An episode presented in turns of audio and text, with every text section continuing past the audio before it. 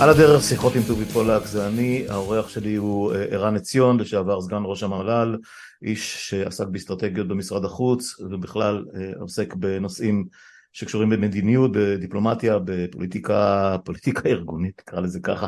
אה, מי שמכיר מכיר, מי שלא אז אני ממליץ מאוד. ופרשן, פרשן מאוד רהוט ושקול, מה שמאוד נדיר בימים האלה באולפני הטלוויזיה. אנחנו קצת אה, מקושרים גם במקומות אחרים, וכמובן אה, ערן כבר היה אצלי כמה פעמים. אז קודם כל, ערב טוב ערן, ואני כבר אומר לאנשים, אה, ראיתי שהאזעקות מתקרבות אליי, אז יכול להיות שאנחנו נאלץ לעשות הפסקה מתודית אם וכאשר משהו ייפול בסביבה, או לפחות האזעקה תופעל, אבל אנחנו, זה החיים שלנו כאן. מה שלומך? ערב טוב, שלומי רע, כמו כולם, אבל כן. נתגבר. כן, כן, נתגבר. אנחנו בתוך אירוע... אני, אני אפנה את כולם לציוץ אה, מתמש... לשרשור אה, די ארוך שפרסמת היום אה, וממש לפני שעה קלה קישרתי אותו, שיתפתי והמלצתי שהוא מאוד מאוד שקול, רהוט ו... ו...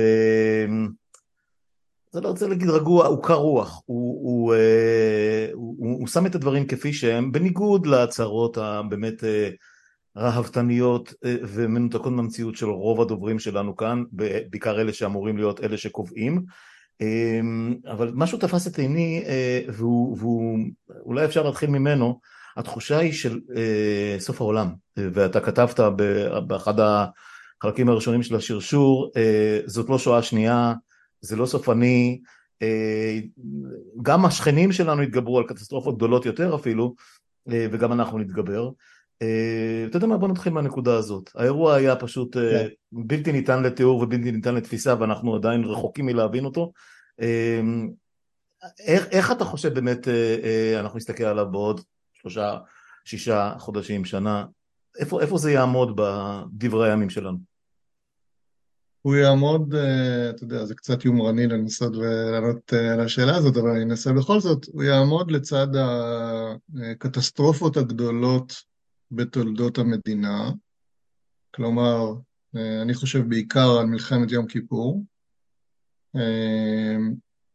אני, מה שאני מזהיר מפניו זה מהשוואות לשואה. אני חושב שזה מאוד מוגזם, זה מאוד counter אה, productive, זה לוקח באמת למחוזות ש, שבעיניי הם, הם, הם מסוכנים.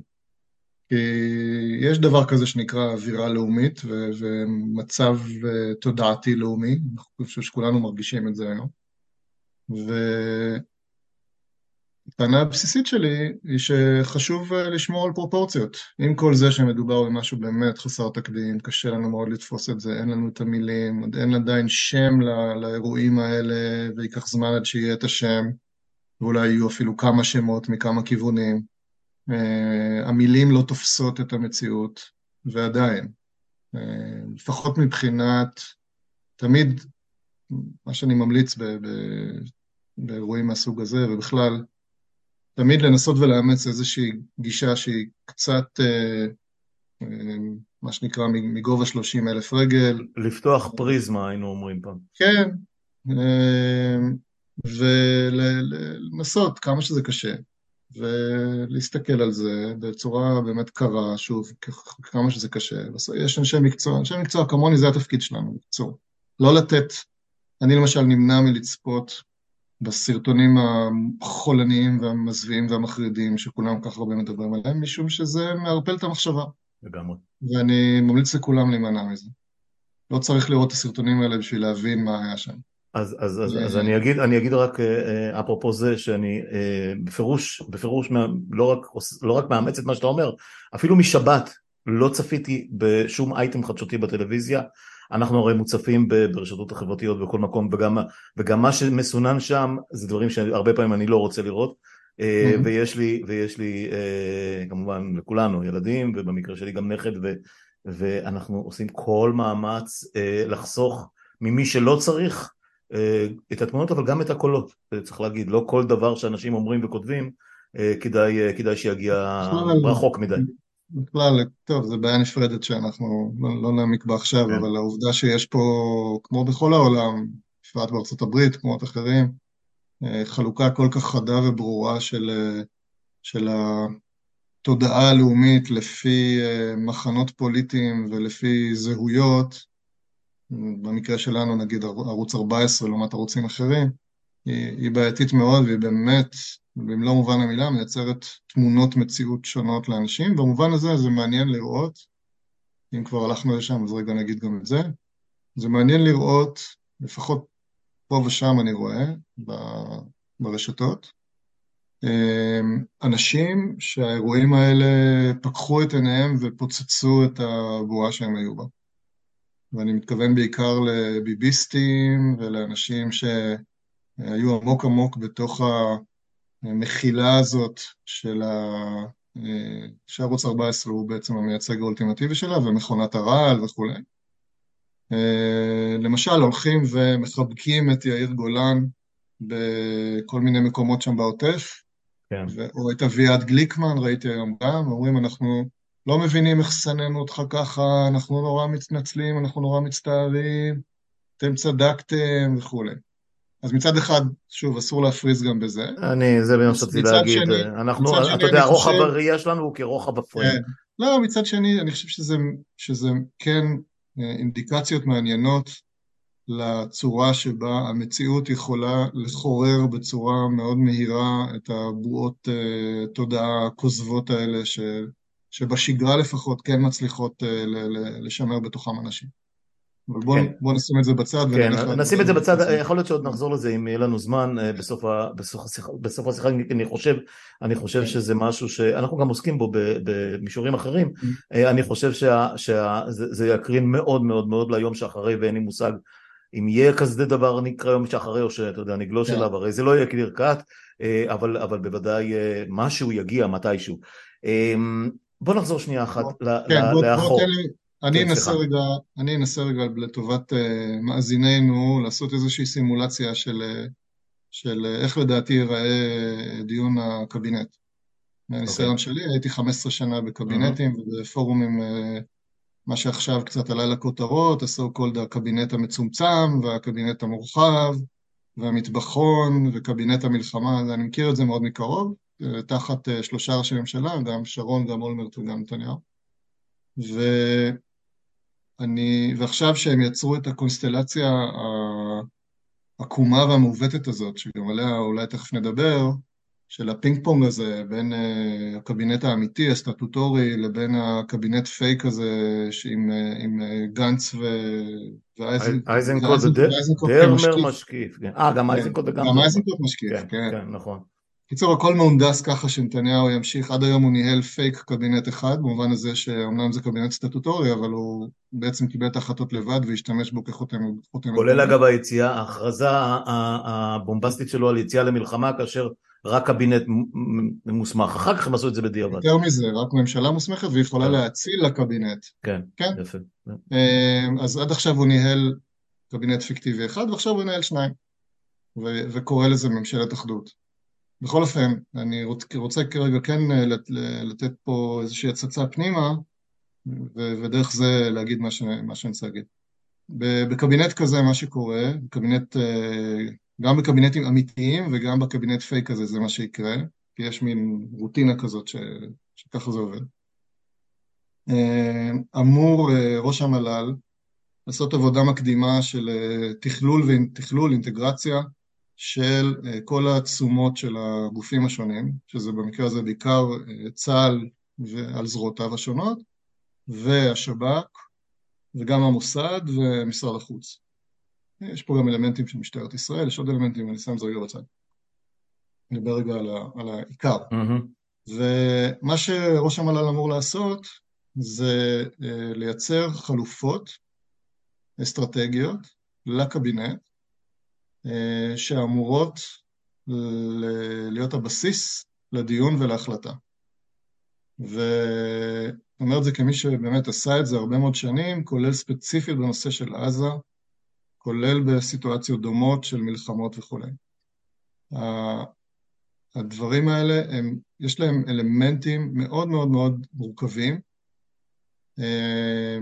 עם כל מיני סוגים של מורכבויות. יש, יש את המורכבות המהותית של הנושא שבו עוסקים, יש את המורכבות הארגונית של המאבקי כוח בין הגופים השונים ובתוך הגופים השונים, וכל זה אה, בסיטואציה נורמלית. ואז יש כמובן את המימד הפוליטי של הדרג הפוליטי שאליו אתה מדבר, מול המימד המקצועי שאותו אתה מייצג, וגם זה רק חלק מהמורכבויות. עכשיו, במצבים כאלה, כמו המצב שבו אנחנו נמצאים עכשיו, הדבר שבעצם יעמוד על סדר היום זה ה-so called, התכלית האסטרטגית של המלחמה. מה שנקרא בשפה פחות מקצועית מטרות המלחמה. ופה אנחנו יודעים מניסיון, בעיקר במלחמת לבנון השנייה, ואני גם הייתי שם בתאים האלה, שכל אה, מילה וכל אות בהגדרת המלחמה יש לה משמעות מאוד גדולה, והנגזרת מהגדרת המלחמה יכולה להיות כל מיני חלופות לפעולה. ויש פה איזה איזון חוזר. כשאתה בונה חלופה, אז אתה אומר, אם המטרה היא כזאת וכזאת, אז אני מציג חלופה כזאת וכזאת. ואם אני רוצה להשיג מטרה אחרת, אז יהיו לי חלופות אחרות.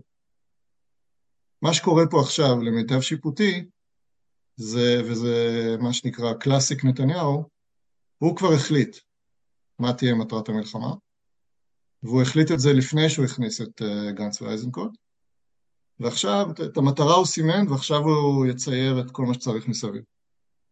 או יותר נכון, את החץ הוא ירה, ועכשיו הוא יצייר את כל המעגלים yeah. כן. מסביב. אמ, והמטרה היא, כמובן, first and foremost, להשאיר את עצמו בשלטון, לשמר לעצמו את הקואליציית 64 שלו, ואם אפשר להרחיב אותה אז למה לא. אמ, לא לוותר על פסיק מכל מה שהוא עשה עד עכשיו בהפיכה המשטרית, ולא לתת למצב החירום הזה להפריע להמשך המאמצים האלה. לא בהיבט של אה, אי מינוי אה, נשיא בית משפט עליון חדש ואי הסכמה לשיטת הסניוריטי, לא בהיבט של הארכת אה, כהונתו של נגיד בנק ישראל, לא בהיבט של ויתור על פסיק מהחקיקות שהם מתכננים להעביר, בטח לא בנושא הוועדה למינוי שופטים וכולי וכולי. דרך אגב, מה שיכול להיות שהוא, שהוא כן ידרוש לעצור, זה את ההליכים המשפטיים נגדו. כי כמובן, מצב חירום. goes, goes without saying. Okay. כן. צריך לנהל את המלחמה. Okay. כן. ודבר, ודבר נוסף שהוא כבר עצר, זה את הבחירות. את הבחירות לרשויות המקומיות אומנם. אבל, אבל מי שעוקב וקורא את הספרות בנושא של איך דמוקרטיות הופכות לדיקטטורות, יש אה, לפי אה, פרופסור אה, שטפל, אני אף פעם לא בטוח איך לבטא את שמה, יש שמונה שלבים, והשלב השמיני, אחרי שכבר עברנו את השבעה במקרה שלנו, זה שינוי, שינוי חוקי הבחירות ושינוי נהלי הבחירות. אז ככה, על הדרך... נדמה לי שהפעם האחרונה שזה היה, זה היה בבחירות כלליות, נדמה לי שהבחירות שהיו אמורות להתקיים ממש בסמוך למלחמת יום כיפור נדחו ב... חצי שנה, נדמה לי שזה, שזה היה המצב כן, הזה. כן, יכול להיות, אבל אתה יודע, זה היה בהקשר שונה לגמרי. כן. אמ, אז זאת המטרה שנתניהו סימן לעצמו, הוא כמובן לא יציג אותה בקבינט והוא לא יעביר אותה דרך המל"ל. ובשביל שהוא יוכל לשרוד בתפקידו, אחרי הקטסטרופה שהוא הביא עלינו, ושהוא כמובן יודע שהוא אחראי לה ושרוב העם תובע את ראשו, אה, הוא צריך לוודא שמה שנקרא היום שאחרי המלחמה לא יגיע. כי הרי אה, גנץ ואייזנקוט נכנסו לממשלה הזאת, ונתניהו גם יצר בעורמתו, לא קונצנזוס, אבל איזשהו סנטימנט ציבורי רחב, ובטח בכלי התקשורת שרובם עובדים אצלו בדרך כזאת או אחרת, שטוב, תחת אש וכל עוד יש מלחמה, אי אפשר להחליף אותו, אבל ברגע שהמלחמה תיפסק, זה יהיה הזמן. מכאן נובע כמובן, בחשיבתו, שהרגע הזה לעולם לא יגיע. ו- ובתור ראש ממשלה יש לו את היכולת לדאוג שזה יקרה.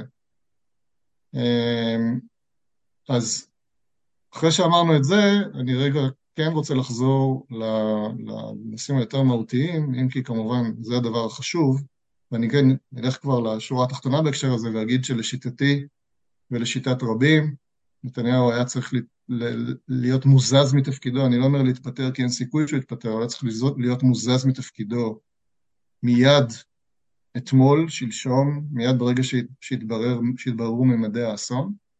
Uh, לצערי אין כרגע את המנגנון שיעשה את זה, אני מקווה שהוא ייווצר במהירות. ו... והעובדה שהוא ממשיך לנהל את המצג שווא הזה של עסקים כרגיל על, על גבם, כשהוא ליטרלי עומד על אה, גבותיהם של 1,200 גופות ומי יודע כמה אה, חטופים ושבויים, פשוט דבר שהדעת לא סובלת.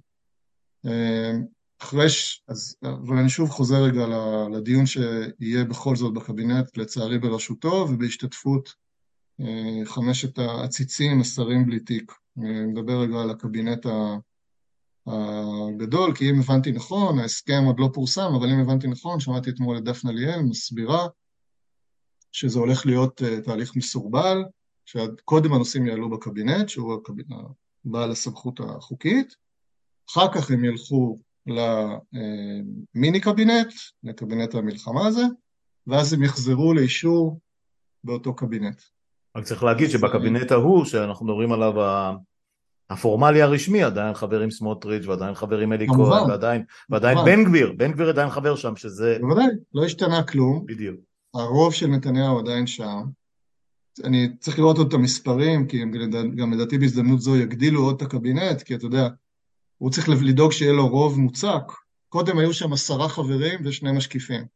על 34 אה, שרים, אם אני זוכר נכון. זה כבר, אנחנו מתקרבים ל-40 שרים בקצב הזה. אז עכשיו יש 39 שרים, ואז יבואו אה, כל מיני הבן גבירים וזה, יגידו, צריך להגדיל גם את החלק שלנו בקבינט. קיצור, אה, הוא ידאג, אז אם הרוב שלו קודם היה whatever, ועכשיו יש לו שם חמש... מה זה רוב? מי כן. בכלל הולך להתווכח איתו? טכני, טכני, נכון, כן, אתה צודק, כן, אבל עכשיו לא, כי הסיפור שמספרים גנץ ואייזנקוט ו... כן, שהם ימתנו ויש כאלה שקונים אותו. כן, כן, שהם כן. הולכים להשפיע מבפנים. ברור. אז אה, מה שנקרא, הם לא הולכים להשפיע. והוא דאג שהם לא ילכו להשפיע. הם הולכים להיות, הם יכולים לקבל את החמאה, את החמאה, את כל החלב החמוץ על הראש ברגע שזה רק יהיה אפשרי. בקיצור, אז נחזור רגע לאותו דיון קבינט ואיך הוא יתנהל.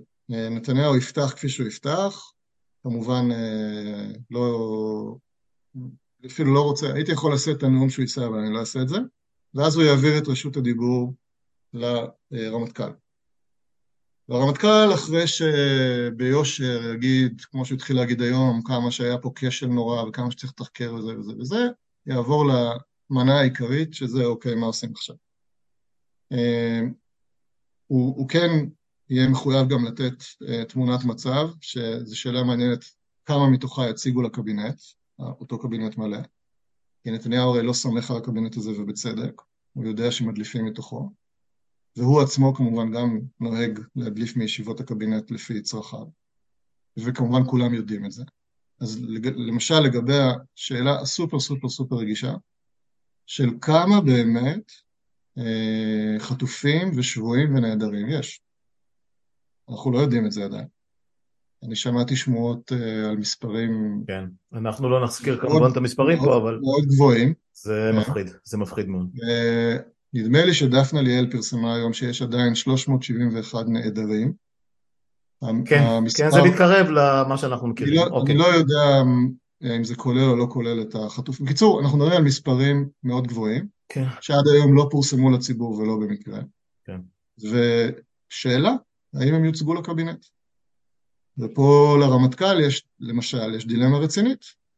כי היושרה המקצועית מחייבת ששרי הקבינט ידעו את תמונת המצב לאשורה, בטח במה שנוגע לדבר כל כך קריטי, שהוא כל כך צריך להשפיע על ההחלטה של איזה מהלכים צבאיים עושים ומתי, ואיך מתייחסים לנושא הזה של השבויים בנדרים.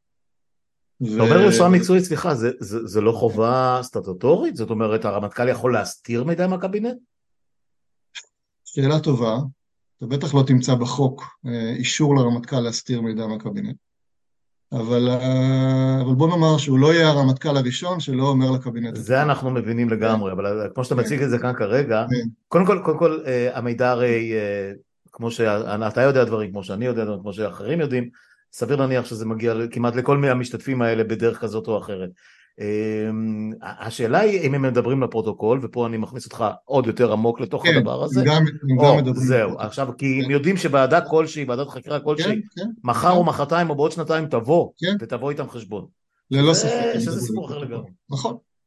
אז אז שוב, הוא יציג את תמונת המצב, הוא ידבר על, הוא אמור לדבר גם על מצבו של הצבא, שאני חייב לומר שלתחושתי המצב איננו טוב, ואני לא רוצה אפילו בפודקאסט הזה להגיד במלוא, את, את הדברים במלוא חריפותם, אבל לתחושתי המצב לא טוב, והצבא כרגע לא מוכן מספיק ל, למשל מהלך קרקעי מסיבי ברצועה, ו/או לפתיחה של חזית נוספת מול חיזבאללה. או, זה הסיפור הגדול, כמו שאנחנו מבינים.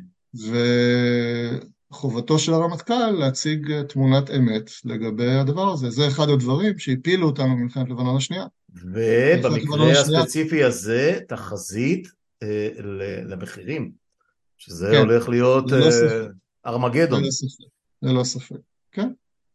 את כל זה הוא צריך להציג. עכשיו, הניחוש שלי, שנתניהו ינסה להימנע מזה.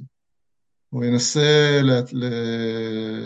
לגרום לרמטכ"ל להציג רק אה, חלק מהדברים, ולהגיד שהדברים ילובנו לעומק באותו אה, פורום מצומצם, ואז הוא יבטיח להם שהוא יחזור אליהם והוא יגיד, הוא ייתן להם, יפרוס להם את כל התמונה שהם צריכים לדעת בזה. יהיה מעניין לראות מי מיושבי הקבינט אה, ימשיך להתנהג כאילו הוא מה שנקרא, נקרא לזה, לא יודע אפילו איך לקרוא לזה, בין מאזין, אתה יודע מה, כמו איך קוראים לשופטת הזאת, אשתו של שטייניץ בדיו, בדיוני הסבירות. בוא, לא ניתן בסימנים, אבל כן. נוכח, נוכחים, נוכחים נפקדים. נוכחים נפקדים, כן. כן. כן. אז יהיה מעניין לראות כמה משרי הקבינט יבחרו בדבר הזה, וכמה ישאלו שאלות וימלאו את תפקידם. בכל אופן, אז, אז הרמטכ"ל יציג את התמונה הזאת, יציג גם את, הוא יציג תמונת מצב כוחותינו ותמונת מצב אויב, והערכת מצב כוללת, למשל לגבי הסבירות של כניסה של חיזבאללה למלחמה ובאיזה תנאים, ומעורבותה של איראן, וכל הדברים האלה שבתקשורת מוצגים בצורה חלקית, הוא אמור להציג אותם בצורה יותר מעמיקה ומלאה. ומה שעכשיו המתנחלים בגדה מחרחרים, אה, פתיחת חזית אה, מזרחית אה, לא פשוטה בכלל, שלך תדע לאן היא הולכת, הם פשוט ממש ממש מציתים אש, לא רק בשדות, נכון. הם מציתים אש, פשוט יורים בפלסטינים. נכון, פה גם, גם הרמטכ"ל וגם ראש השב"כ אמורים להציג את התמונה ו... ומה הם עושים בשביל שלא תיפתח חזית נוספת שם, זה מאוד נכון. ויש גם את הנושא של ערביי ישראל, שמי שאחראי עליו, מי שמציג אותו בקבינט עדיין, לצערי, בשנתה 75 למדינה זה השב"כ, והשב"כ אמור להציג תמונה לגבי זה, וגם המשטרה אמורה להציג תמונה לגבי זה. אה, לצערי אין גוף אזרחי שאחריותו להציג תמונה בהקשר הזה, אה, בניגוד למה שהייתם מצפים אולי. ו... ואוקיי, בואו נתקדם, ואז אנחנו מגיעים לנושא החלופות. וסליחה, וכמובן תמונת מצב מדינית, פה אמור לעלות ולבוא אה, שר החוץ, סלש מנכ"ל משרד החוץ, ולהציג את התמונה המדינית. הבעיה שהוא כמובן לא, לא מכיר אותה, כי משרד החוץ ממודר, צריך לומר ביושר שזו לא תופעה שהתחילה עכשיו, אבל היא החריפה מאוד בשנותיו של נתניהו. זה, מה, זה מה שנתניהו טרח לעשות במשך אה, כן, כן, שני עשורים לפחות. כן, בוודאי אותו שר חוץ נוכחי, שבאמת מיותר להרחיב עליו את כן, הדיבור. כן. ואז מי, מי שיציג את התמונה המדינית כנראה יהיה רון דרמר, שהוא באמת מכיר אותה, והוא הצל של נתניהו לכל דבר ועניין. Uh, ואולי גם לראש המוסד יהיה פה מה להגיד לגבי מדינות מסוימות שאין להם קשרים אה, פורמליים איתנו וכולי. וכמובן בהקשר הזה הפיל הגדול בחדר זה ארצות הברית, והשאלה של לא מה ביידן אומר בנאומים, אלא מה העמדתה האמיתית של ארה"ב כפי שהיא משתקפת בשיחות בין ביידן לנתניהו ובין uh, ג'ייק סליבן, ראש המל"ל האמריקאי, לבין צחי הנגבי ואחרים, ובין uh, מפקד uh, סנטקום לבין הרמטכ"ל. Uh, ופה אני בספק גדול האם תוצג תמונה אמיתית לקבינט. אני גם לא יודע כמובן מה התמונה האמיתית, אני יכול להעריך. אני מעריך שארצות הברית, אה, האינטרס הברור שלה הוא אה, למנוע הידרדרות של המלחמה הזאת לכדי מלחמה אזורית. זה באופן מובהק מנוגד לאינטרס האמריקאי. הם מושקעים כל כולם באוקראינה, הם חייבים שאוקראינה לא תיפול, ובאופן הכי פלסטי, כל, וזה נאמר גם בתקשורת, מי שעוקב, כל פריט תחמושת שמועמס על רכבת אווירית לישראל, הוא literally מורידים אותו מהרכבות האוויריות לאוקראינה. כי גם ארה"ב הגדולה, יש גבול ל capacity שלה. כן. ו... ומי שמסתכל... אפשר להגיד גם ששם יש שם את הסיפור של אישור הקונגרס ל... לסיוע חריג והקונגרס די משותק. נכון. הוא אפילו משותק על זה. כן. כי כן. הרפובליקנים לא מוכנים להעביר עוד סיוע לאוקראינה. ומהצד צופה רוסיה, שיושבת איפה שהיא יושבת, עם כל המעורבות שלה באוקראינה, אבל יש לה כזכור גם נוכחות בסוריה, ויש לה קשרים אסטרטגיים הולכים ומעמיקים עם איראן, והיא גם המעצמה היחידה שהתייצבה אולי לא לצד חמאס, אבל ודאי לא לצד ישראל, בעימות הזה. ו... ומבחינת האמריקאים, יש פה, נגיד את, זה, נגיד את זה ככה, הם מאוד לא רוצים שהסכסוך הזה או המלחמה הזאת שמתלקחת פה עכשיו, תהפוך להיות עוד אה, אבן דומינו או, פי, או, או כלי על לוח השחמט שלהם מול רוסיה. ובשביל שזה לא יקרה, הם צריכים שזה יישאר בגדר אה, מלחמה יחסית מוגבלת בין אה, ישראל לבין חמאס בעזה, וככל שתיפתחנה חס... פחות חזיתות נוספות, כן ייטב. לכן הם שלחו את אה, נושאות, נושאת נושאות המטוסים, לכן ביידן נושא את נאומיו התקיפים, לכן הוא שלח לפה את בלינקן, ואני חושב שהמסר העיקרי של האמריקאים לישראלים בחדרים הסגורים הוא פחות או יותר הדבר הבא. אחד, תדאגו שזה לא יתרחב, אל תיזמו לנו שום דבר אה, בצפון, בניגוד אולי להזיות של כל מיני ישראלים. אני שומע את זה בלי סוף, כולל מפרשנים אה, כן, צבאיים כן. בכלי תקשורת מאוד מאוד מרכזיים. אם כבר אנחנו זה, בואו ניזום אנשים יצאו מדעתם. בדיוק. כשאני קורא את יוסי יהושע, אני לא, מבין שיש מישהו, שיש מישהו בדרגה בכירה שזה מה שהוא חושב. לגמרי, זה מטופטף כמעט בלי להסתיר. כן. ואני רוצה להגיד שוב, בזהירות המתבקשת, כי לא נכון להגיד הכל בגלוי, אה, כל מי שרוצה לדעת איך תיראה מלחמה עם חיזבאללה, יכול לגגל את זה ולראות תיאורים של האלוף אה, במילואים בריק ואחרים, שהם מפורטים למדי. היו גם לפני כמה שנים אה, צה"ל כאקט של, אה, אם תרצה, הגנה עצמית, גם שחרר בעצמו לתקשורת אה, תיאורים של איך זה אמור להיראות, בשביל שהאוכלוסייה לא תופתע. וזה לא בתרחיש שאנחנו נמצאים בו עכשיו, זה בתרחיש, נקרא לזה נורמלי, כלומר, שבו יש לא מלחמה רב-זירתית, ולא חטפנו 1,200 הרוגים ו-X חטופים וכולי וכולי וכולי, אלא פשוט מלחמה עם חיזבאללה. ורק מלחמה עם חיזבאללה, היקף הנזקים שהיא תביא לכאן הוא בסדרי גודל גדול יותר ממה שראינו עד עכשיו פה, מעזה. וזה... אתה, אתה מעודן כמו שהבטחתי שאתה, יפה. וזה סוג, וזה סוג של הרפתקה שמאוד לא מומלץ להיכנס אליה אף פעם, וזה לא מקרה שכל ראשי הממשלה נמדו להיכנס אליה, ובוודאי ובוודאי לא בתנאים האיומים, תנאי הפתיחה הכי גרועים שאפשר לדמיין של מלחמה שאנחנו נמצאים בהם כאלה. אז, אז המסר האמריקאי יהיה אחד, אל תיתנו לזה להתרחב. שתיים, כמובן, אנחנו איתכם, אם אתם צריכים עוד דברים תגידו, שלחנו לכם כבר ככה וככה, ונמשיך לשלוח, הכל טוב. אנחנו רוצים שאת האסטרטגיה שלכם מול עזה והחמאס בעזה, ושנייה נפתח פה סוגריים, כי גם זה חשוב שאנשים יבינו, אנשים מדברים באופן ככה נונשלנטי על חמאס, המילה הזאת, חמאס, נמחק את חמאס, נהרוס את חמאס. צריך להבין ראשית קודם כל זה לא אנשים, זה ראש ממשלה ושר ביטחון ש, כן, ש, כן. שזה מה שהם אומרים מעל הפודיום. כן. אה, אני מעודן, אתה רואה? כן, כן, אה, בשביל זה אני. אבל לא רק הם, לא, אני אומר דווקא למאזינים הלא תחום התחום המקצועי. תבינו שקודם כל חמאס זו תנועה שיש לה תמיכה של בערך 30% מהפלסטינים, לא רק בעזה אלא גם באיו"ש.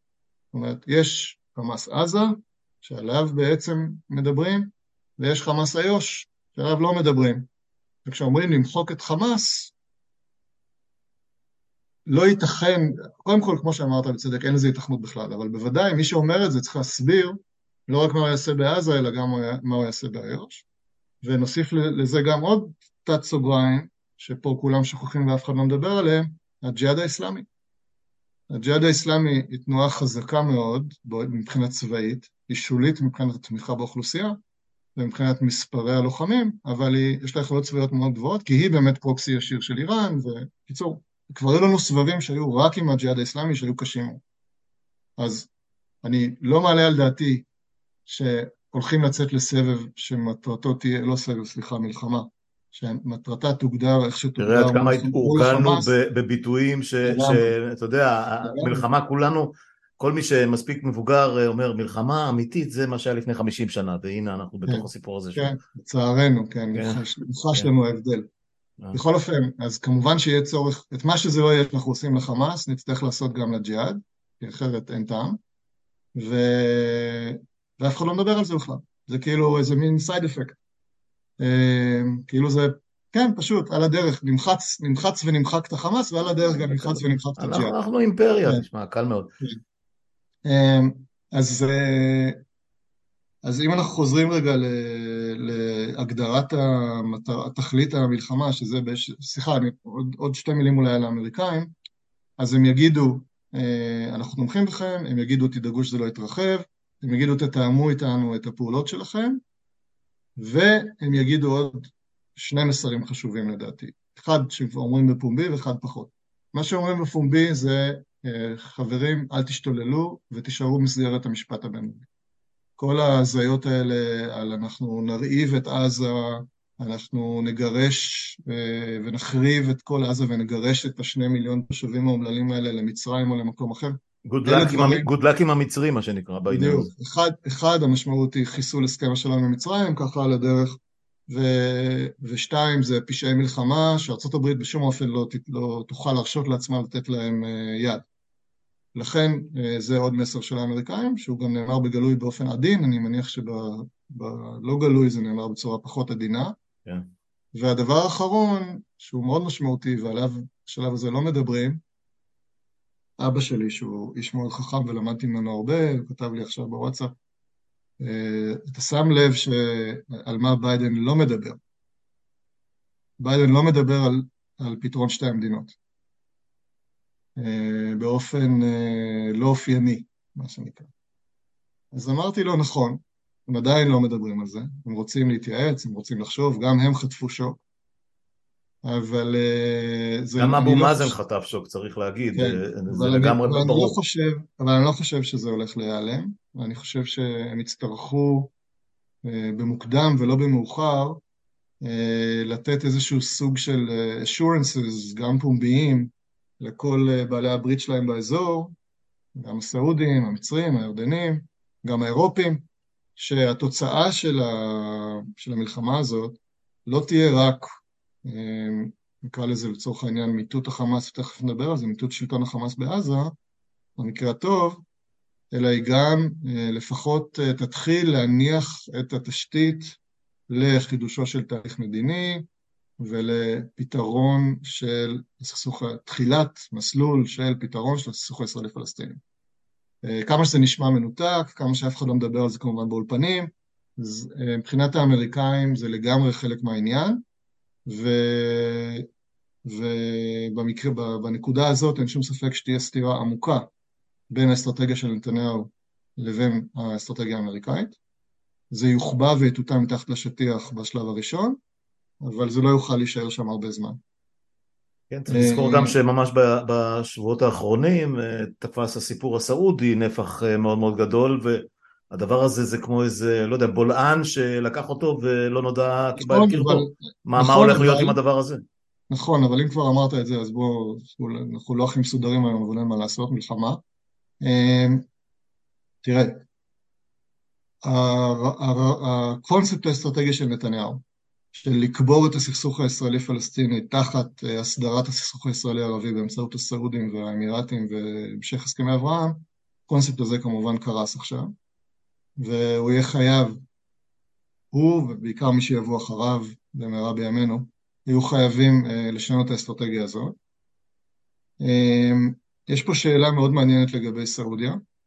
כזכור, uh, בעולם שלפני פרוץ המלחמה, העמדה הסעודית הייתה לא לגמרי ברורה לגבי הדרישות שלהם בנושא אה, התקדמות לפתרון הסכסוך הישראלי-פלסטיני במסגרת הנורמליזציה איתם וההסכמים האסטרטגיים שלהם עם ארה"ב. אני חושב שעכשיו, אה, בין אם בלית ברירה ובין אם מתוך הבנה שיש פה הזדמנות, אנחנו נראה את הסעודים אה, מדברים יותר את השפה שהם דיברו בעבר, את השפה של היוזמה הסעודית-ערבית, את השפה של פתרון הסכסוך,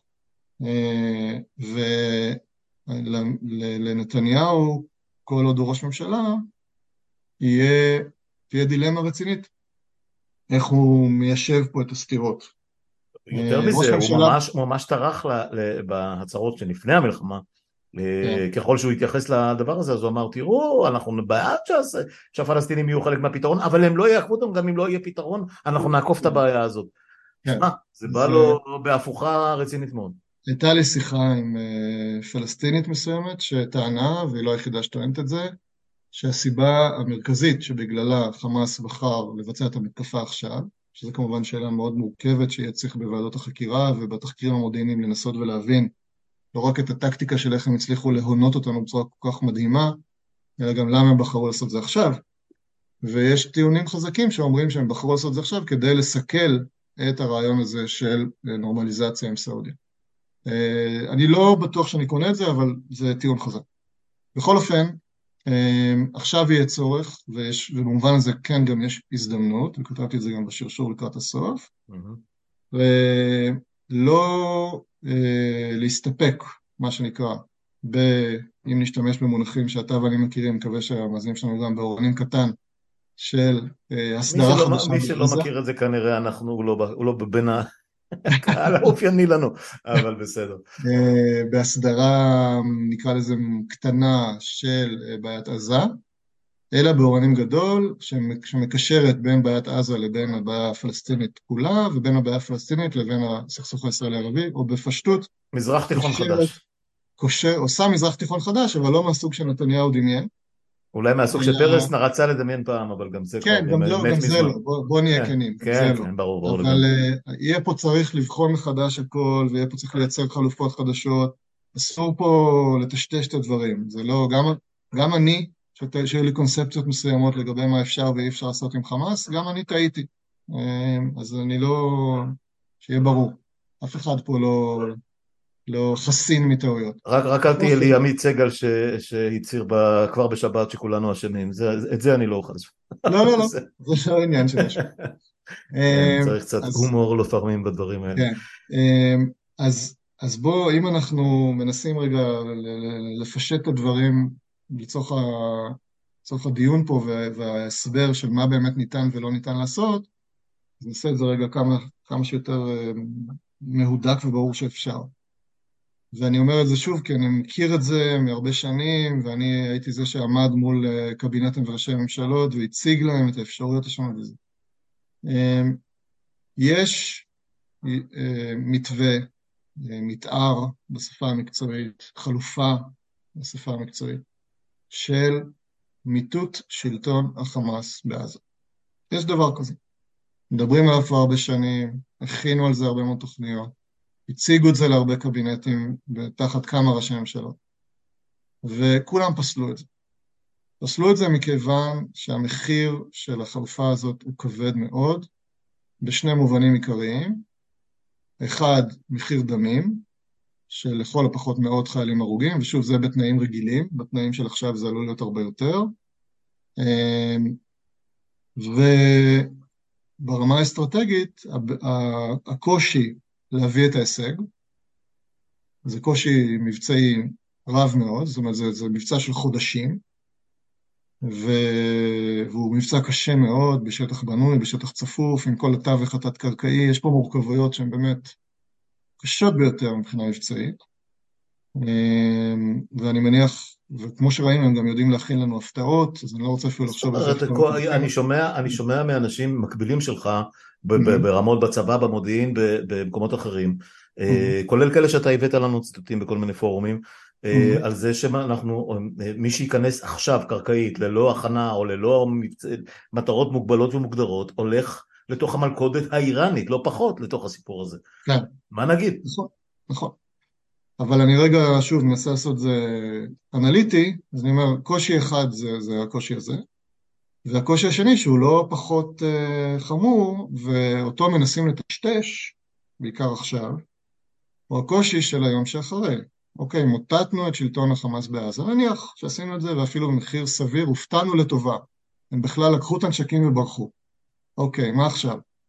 אה, האם ישראל רוצה להשכין, אה, לכבוש מחדש את עזה ולבנות מחדש את המינהל האזרחי או את המשטר הצבאי בעזה? כנראה שלא. זה ודאי לא האינטרס שלנו, בוא נגיד. היא לא יכולה, תסלח לי שאני אומר את זה. חוץ מאשר... לא, לא, לא נראה לי איך זה אפשרי. היא יכולה, היא יכולה, זה לשעבד, זה לשעבד הרבה מאוד משאבים, אבל אפשר, עשינו את זה 40 שנה, אנחנו יכולים להמשיך לעשות. כן, אבל מה שהיה 40 שנה, טוב, לא ניכנס לזה. אנחנו יכולים, עזוב, זה לא עניין טכני, אנחנו יכולים. זאת אומרת, זה כן, גם עניין טכני. זה עניין מטורף, אבל זה גם עניין טכני, אבל ברמה הטכנית אנחנו יכולים. אוקיי. אבל ברור שזה לא אינטרס שלנו. עכשיו, זה יהיה מעניין, כאשר זה יעלה בקבינט, אם יהיו שרים שיגידו, רגע, רגע, זה כן האינטרס שלנו. סמוטריץ' למשל, הוא חושב שזה כן האינטרס שלו. ויהיה מעניין אם הוא ינסה להגן עליהם. אורית סטרוק כבר, נדמה לי בשבוע כן. הראשון של כהונת הממשלה. אבל סליחה, אה, כן. גלנט, אה, הוא צעק את זה מהיום, מהיום שעצרו אותו באחד המבצעים שאני לא יודע, עמוד ענן או מה שזה כן, לא היה, שלא אי אפשרו לו, אני זוכר שהוא חצה את עזה בתור אלוף פיקוד, הגיע לחוף ואמר אנחנו, אוקיי, עכשיו הוא לא שר ביטחון. לא, אבל רגע, בוא נהיה הגונים, יש הבדל בין לומר... אני יודע, אתה גם במדים, כן. לא, יש הבדל בין לומר, אני יכול לכבוש את עזה ולצאת. לבין לשלוט בה אחר כך, כן. כן, לא, כי גם, זה יהיה לגמרי חלק מהדיון עכשיו, אוקיי? בקבינט יהיו מי שיגידו, תביאו לנו חלופה של מיטוט שלטון החמאס, ממוטטים ויוצאים. תביאו לנו. למרות שזה, שברור לכל בר דעת שזו חלופה מאוד לא חכמה וקצרת uh, טווח וקצרת רואי. יהיו כאלה שיגידו, אנחנו רוצים לראות, תביאו. כן. עכשיו, בהנחה שאנחנו כן מבינים שנדרש אה, להציב שלטון אחר אם מפילים את שלטון החמאס, מהם החלופות? שהן לא ישראל. חלופה אחת, ויש כבר כאלה שמדברים על זה, זה הרשות הפלסטינית. לכאורה, מה הבעיה? הם כבר שלטו שם, אפשר פשוט להביא אותם, יש, יש עדיין אה, כמה עשרות אלפי פקידים שמקבלים משכורות מהרשות הפלסטינית בעזה כל השנים האלה, למרות שהרשות גורשה משם כבר ב-2006. כן. אה, מישהו סיפר לי היום שאת חשבונות המים שישראל אה, מוציאה לעזה, היא שולחת לרמאללה. כלומר, כל מיני דברים מעניינים. אה, ולכאורה זה מתבקש. הצלחנו להרכיב פה סמטוחה ברמה שהעולם לא, לא יודע מתי הוא ראה אי פעם דבר כל כך מסובך. זה באמת הערת אגב. אז, אבל לחשוב שקודם כל הרשות הפלסטינית במצבה היום, עם האפס לגיטימציה שיש לה באיו"ש ובוודאי בעזה, ועם היכולות המדולדלות שלה שישראל דאגה רק להחליש עם השנים, ועם הבעיה הכי בסיסית של להיכנס לעזה, מה שנקרא, על כידוני הצבא הישראלי ולהיות בעצם הפרוקסי של כיבוש ישראלי, זה מאוד מאוד מאוד מורכב, נאמר בעדינות. וגם מה זה, מה זה הרשות היום? הרי אנחנו כבר מספידים אה, פחות או יותר את אבו מאזן אה, לפחות בעשור האחרון, נכון שעוד איתנו, יש כוחות אבל... ביטחון, יש פקידים... כן, אבל מי יודע מי ישלוט שם אחרי ו... בסדר, אני אומר, תקשיב, שוב, בוא נהיה כמה שיותר אה, הגונים וצמודים לעובדות. כן. יש חלופה כזאת, היא רק מאוד מאוד מסובכת, יש לה המון מכשולים, חלקם, שוב, פיזיים, טכניים, של איפה, מי זה הכוחות שיעשו את זה ועד כמה הם רומנים וזה, וחלקם אה, פוליטיים, תודעתיים, אה, מדיניים, אה, מה שאמרנו במילה, כלומר, מה בדיוק הם יסבירו לתושבים. אז אנחנו נשארים עם חלופה שלישית, שהיא גם, גם היא דוברה במשך עשרות שנים, ואני מכיר אותה היטב, והיא, וקל מאוד לתקוף אותה ולומר שהיא לא ריאלית וכולי וכולי, ואני כן חושב שהיא חייבת לעלות לדיון, ואני גם מעריך שתעלה לדיון. וזאת החלופה של מה שקראו פעם בין אום עזה, או אה, מנדט בינלאומי על עזה, יש לזה כל מיני שמות, פרוטקטורט בעזה, יש כל מיני שמות. אבל בשורה התחתונה... קטאר, מצרים, סעודיה וכולי. קואליציה ערבית ואומית, אה, אולי אפילו במעורבות של נאט"ו, יכולים להיות כל מיני דברים יצירתיים. שתיקח מידי ישראל את השלטון ותנהל לתקופה קצובה את הקנטון הזה, נקרא לו, של עזה, וזה יותנה כמובן בחידוש מיידי של תהליך מדיני עם הרשות הפלסטינית ובהתחייבות ישראלית למשא ומתן רציני על בסיס שתי המדינות וההסכמים הקודמים וכל מיני דברים כאלה. אין שום סיכוי, כמו שוודאי מאזיננו ומאזינותינו החכמים והחכמות הבינו, שממשלת נתניהו תסכים לזה. זה עוד סיבה למי שצריך סיבות, להחליף כמה שיותר מהר את הממשלה הזאת. כי אה, היא גם לא תסכים, דרך אגב, לפתרון השני, היא גם לא תסכים להכנסת הרשות. לאיזה פתרון הם כן יסכימו? לדעתי, לפתרון שהוא נרשם לאסון ולכישלון, של אה, ניכנס, נמוטט ואז נראה. כי יותר קל להחליט על זה מאשר להידרש לשאלות העמוקות האלה של מי אנחנו באמת אה, רוצים, מוכנים שישלוט בעזה ובמסגרת איזה אסטרטגיה. אה, וככה שקלנו בבוץ הלבנוני כזכור, וככה אה, אנחנו עלולים לשקוע שוב בבוץ עזתי, בצורה כמובן מאוד מסוכנת, וזמני עוזר, אז אני רק אגיד שגם בהקשר הזה מה שצריך לדעת זה שככל שנעמיק אני קצת עושה את זה פשטני, בסדר? אבל ככל שנעמיק את כניסתנו לעזה, גדל הסיכוי לפתיחת חזית נוספת מצד חיזבאללה. אז מצד אחד חיזבאללה לא יסוס להתאבד בשביל חמאס, אה, מצד שני, אה, חוזר למה שאמרתי קודם, בניסיון להבין אה, איך ולמה בחר החמאס לעשות מה שהוא עשה עכשיו, אני לא חושב שחמאס היה משגר את המתקפה הזאת, שעכשיו שהם עבדו עליה שנתיים, בעיתוי הזה, אלמלא לו, הייתה לו ערבות מוצקה של חיזבאללה, ש, שיעזור לו להתמודד עם התגובה הישראלית. ואני מניח שיש פה הבנות די מפורטות ביניהם, של באיזה תנאים ומה הם עושים וכולי. תראה מה זה 50 שנה אחרי, זה מזכיר את התיאום בין, אה, בין אה, סאדאת לאסד. כן, נכון, נכון. זה לא יאמן. אה. טוב, לא, לא מיצינו, אבל... לא, לא מיצינו, אני רק אעיר פה, אני רק אעיר פה כן. דבר אחד, שתוך כדי, כדי השיחה, מעבר להתראות וכולי, אה. נכנסות ידיעות אה, מדהימות על זה. שביום שישי, במהלך אותו לילה, נכנסו התראות וידיעות שמשהו קורה. ראיתי את זה. ראש השב"כ הוזעק ללשכה, הרמטכ"ל היה בעניין, אלוף פיקוד דרום היה בעניין, כן, קורה, לא קורה, לא קורה, החליטו לא להעלות הכוננות. אנחנו לא התעסקנו עכשיו בלמה ואיך הגענו נכון. להתפרצות האפוקליפטית הזאת, אבל כשאתה רואה את הדבר הזה, תקשיב, כאזרח, כמי שכבר באמת ראה מספיק כן. דברים בחיים פה, זה, זה, זה בלתי נתפס, אני לא יודע איך להגדיר את זה. אני רוצה רק להשאיר את המאזינים עם שורה תחתונה מבחינתי, בניסיון לסכם מה שאמרנו, וגם אולי כן. דבר שניים שלא הספקתי להגיד. אחד, חשוב להבין שלמרות כניסתם של גנץ והאזעקות לממשלה, נתניהו עדיין ממשיך לנהל את העניינים, והדבר הזה הוא בלתי קביל, וכולנו צריכים להיות מאוחדים בדרישה לסלק אותו מיד. לא לקרוא להתפטרותו כי הוא לא התפטר, חייבים למצוא את הדרך לסלק אותו. כל יום שהוא ממשיך לנהל את המלחמה זה נרשם להמשך האסון. שתיים, חייבים למנוע את ההתרחבות של המלחמה ופתיחת חזית נוספת מול חיזבאללה, ולעמוד מול כל מיני הזיות של כל מיני אנשים שקוראים אה, ליזום דבר כזה, זה יהיה אסון, שוב, גדול מאוד ואסור להגיע לשם, ואין, ואני לא רוצה להגיד אין סיבה להגיע לשם, אבל צריך לנהל תהליך קבלת החלטות טוב מספיק בשביל שלא נגיע לשם. שלוש, אין עלינו כרגע איום מיידי מכיוון עזה, ואין סיבה אמיתית לרוץ ולקבל החלטות במהירות. מי שדוחף להחלטות מהירות עושה את זה משיקולים, נקרא לזה בעדינות במקרה הטוב לא ענייניים, במקרה הרע אה, זרים. אין סיבה אמיתית לרוץ להחלטה, ויש הרבה, יש יותר מ-1200 סיבות למה לא לרוץ להחלטה.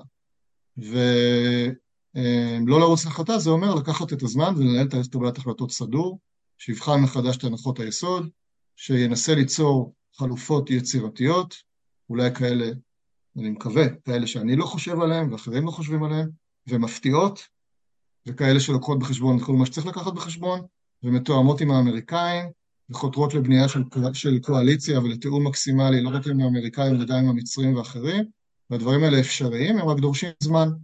מי שיתבע... הם דורשים זמן והם דורשים אנשים אחרים. אז בדרג המקצועי אני סומך על האנשים. בדרג הפוליטי אני לחלוטין לא סומך עליהם, אבל פה זה שעת מבחן לדרג המקצועי, שידרוש תהליך קבלת החלטות סדור ורציני, למרות שגם הם עברו טראומה, למרות שגם אצלם אדם רותח, למרות שגם הם כנראה רוצים, חלקם לפחות לרוץ קדימה, זה לא הדבר הנכון לעשות, צריך לקחת את הזמן ולייצר את החלופה שתיתן מענה לאינטרסים האסטרטגיים שלנו, לא רק בראייה קצרת טווח, אלא כמה שאפשר ארוכת טווח, ובטח לא שהמניע שלה יהיה נקמה וחיפוש תמונת ניצחון. לא נשיג פה תמונת ניצחון. אנחנו את הסיבוב הזה הפסדנו, ולא שום דבר שנעשה בעזה, לא משנה כמה נהרוג וכמה נשטח, לא נצליח לאזן את ההישג הזוועתי שהם הצליחו להשיג, ושיהדהד, כבר מהדהד בכל העולם הערבי ובכל העולם, וככה זה יישאר עשרות שנים. אז אה, זה מאוד קשה, זה מאוד לא נעים, אבל כמו שאמרתי, יש פה גם הזדמנות בעבודה חכמה ונכונה, עם ראש ממשלה אחר, בשאיפה גם עם אה, ממשלה אחרת, אפשר לייצר פה אה, באמת מזרח תיכון חדש, במובן היותר אה, חיובי של המילה.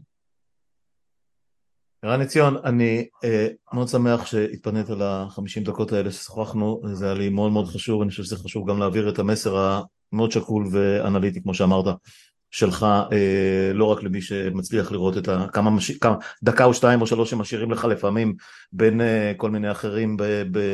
באולפנים, קראתי, אני לא, לא, לא ארחיב פה, אבל קראתי על כל מיני התנהלויות שונות ומשונות, אבל אנחנו יודעים איך זה טלוויזיה. אה, בשביל זה יש לנו את הפלטפורמה הקטנה שלנו. אה, אנחנו נמשיך לעקוב, אבל אני כן רוצה לדבר איתך, אני כבר אומר לך על, על איך בכלל הגענו לסיפור הזה, כי הדברים שהולכים ומתגלים תוך כדי, זה, זה, לא, זה לא סתם צ'יזבטים של מה היה, אלא לא, איך לא, אפשר יהיה למנוע את זה, או מה לא היה נכון, זה פשוט כן. מזעזע. תודה בינתיים, תודה על השיחה הזאת. תודה רבה, טובי. 拜拜，走，拜拜。